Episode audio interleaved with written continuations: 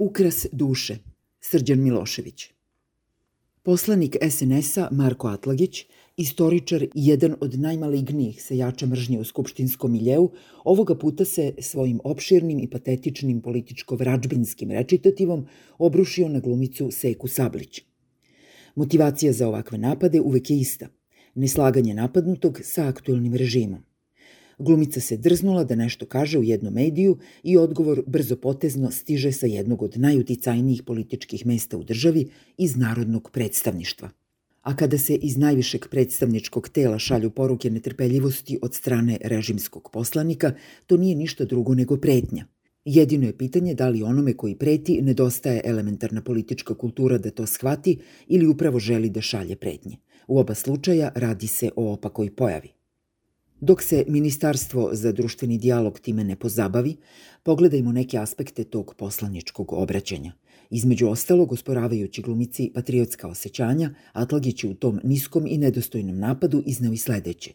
Patriotizam je kamen temeljac čovekove moralnosti, svetinja čovekove duše. Zapamtite, gospođo Sablić, patriotizam je najveći ukras čovekove duše. Kada se ovaj veoma apodiktični stav dovede u vezu sa nedavno iznetim stavom još jednog od SNS jurišnika Vladimira Đukanovića, koji je ateistima poručio da su retardi, spodobe i da zavređuju da im se iskaže gađenje, onda se još jednom jasno obelodanjuje da ideologija onih koji u ovom režimu imaju nekakvu ideologiju predstavlja najobskurniji vrednostni okvir koji su oni spremni da promovišu na najagresivniji način – Naravno, režimski mediji će uvek pronaći razne anonimuse ili slobodne strelce po društvenim mrežama koji, nastupajući sa režimu suprotnih pozicija, koriste teške kvalifikacije. Ali ono što pravi suštinsku razliku jesu društvene pozicije jednih i drugih, da ne govorimo o racionalnosti osnova za burnu reakciju jednih ili drugih.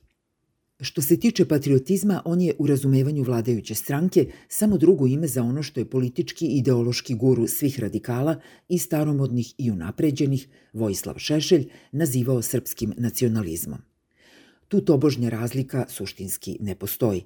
Proglašavanje tog i takvog, a i bilo kog drugog patriotizma za kamen temeljac čovekove moralnosti predstavlja upravo ono na šta se, kao na sobstveno tobožnje bolno iskustvo, pozivaju režimske vedete – dehumanizaciju oglašenih nepatriota, kojima se odriče i sama moralnost, kao, pored razuma, kondicio sine qua non same čovečnosti. Uslovljavanje moralnosti patriotizmom, naročito onim radikalske isključivosti, toliko je obskurno i zlokobno da je nemoguće prenaglasiti koliki je destruktivni potencijal promovisanja takvog poimanja sveta. Na kraju ne sporim da patriotizam može biti plemenito osjećanje. Možda je, baš zbog takve svoje prirode, univerzalno uglavnom neosporavane, patriotizam i postao, kako je to davno pregnantno uočio Samuel Johnson, poslednje utočište hulja. Naime, hulji patriotizam služi kao faktor distrakcije od onih svojstava koje čoveka čine huljom. U tom smislu možda i tačno shvatanje patriotizma kao ukrasa duše – ali romantična ideja čovekove duše po sebi podrazumeva izvornu čistoću, neiskvarenost, pa prema tome i inherentnu lepotu. Onda je samo duši koja se potonjim sazrevanjem čoveka razvija u pravcu Johnsonovskih shvaćene hulje potrebno da se kinđuri bilo čime, pa i patriotizmom. Ukras je, na kraju krajeva, savršenoj lepoti nepotreban.